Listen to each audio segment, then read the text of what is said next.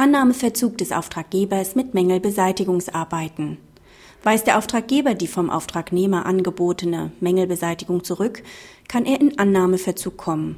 Ein solcher Annahmeverzug ist nicht schon dann ausgeschlossen, wenn der Auftraggeber irrtümlich davon ausgeht, die von ihm zurückgewiesene Nachbesserung sei zur Mangelbeseitigung untauglich.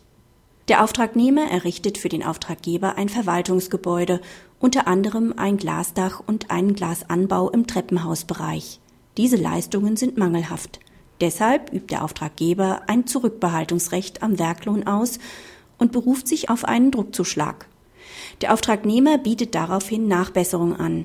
Diese lehnt der Auftraggeber ab, weil er meint, dass damit der Mangel nicht dauerhaft beseitigt werden kann. Der Auftragnehmer ist der Meinung, dass der Auftraggeber hierdurch in Annahmeverzug geraten sei und klagt denjenigen Teil des Restwerklohns ein, der über die reinen Mangelbeseitigungskosten hinausgeht, das heißt den Druckzuschlag. Das Oberlandesgericht weist als Berufungsgericht die Klage ab, da sich erst durch die Beweisaufnahme herausgestellt habe, dass die vom Auftragnehmer angebotene Mängelbeseitigung tauglich gewesen wäre. Dieser Irrtum führt dazu, dass den Auftraggeber kein Verschulden trifft, sodass auch kein Annahmeverzug vorliegen könne. Dem folgt der BGH nicht. Der Auftragnehmer hat die geschuldete Mängelbeseitigung mehrfach in ausreichender Weise angeboten. Der Umstand, dass der Auftraggeber glaubte, die angebotene Nachbesserung sei unzureichend, hindert nicht den Annahmeverzug. Dieser wird daher auch durch einen Irrtum des Auftraggebers, der das Nachbesserungsangebot für nicht ordnungsgemäß hält und es daher zurückweist, nicht berührt.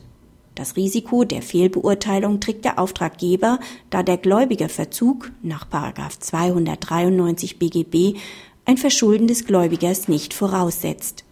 Praxishinweis. Im Annahmeverzug kann der Auftraggeber in der Regel nicht ein Mehrfaches an Mängelbeseitigungskosten zurückhalten, sondern nur den einfachen Betrag.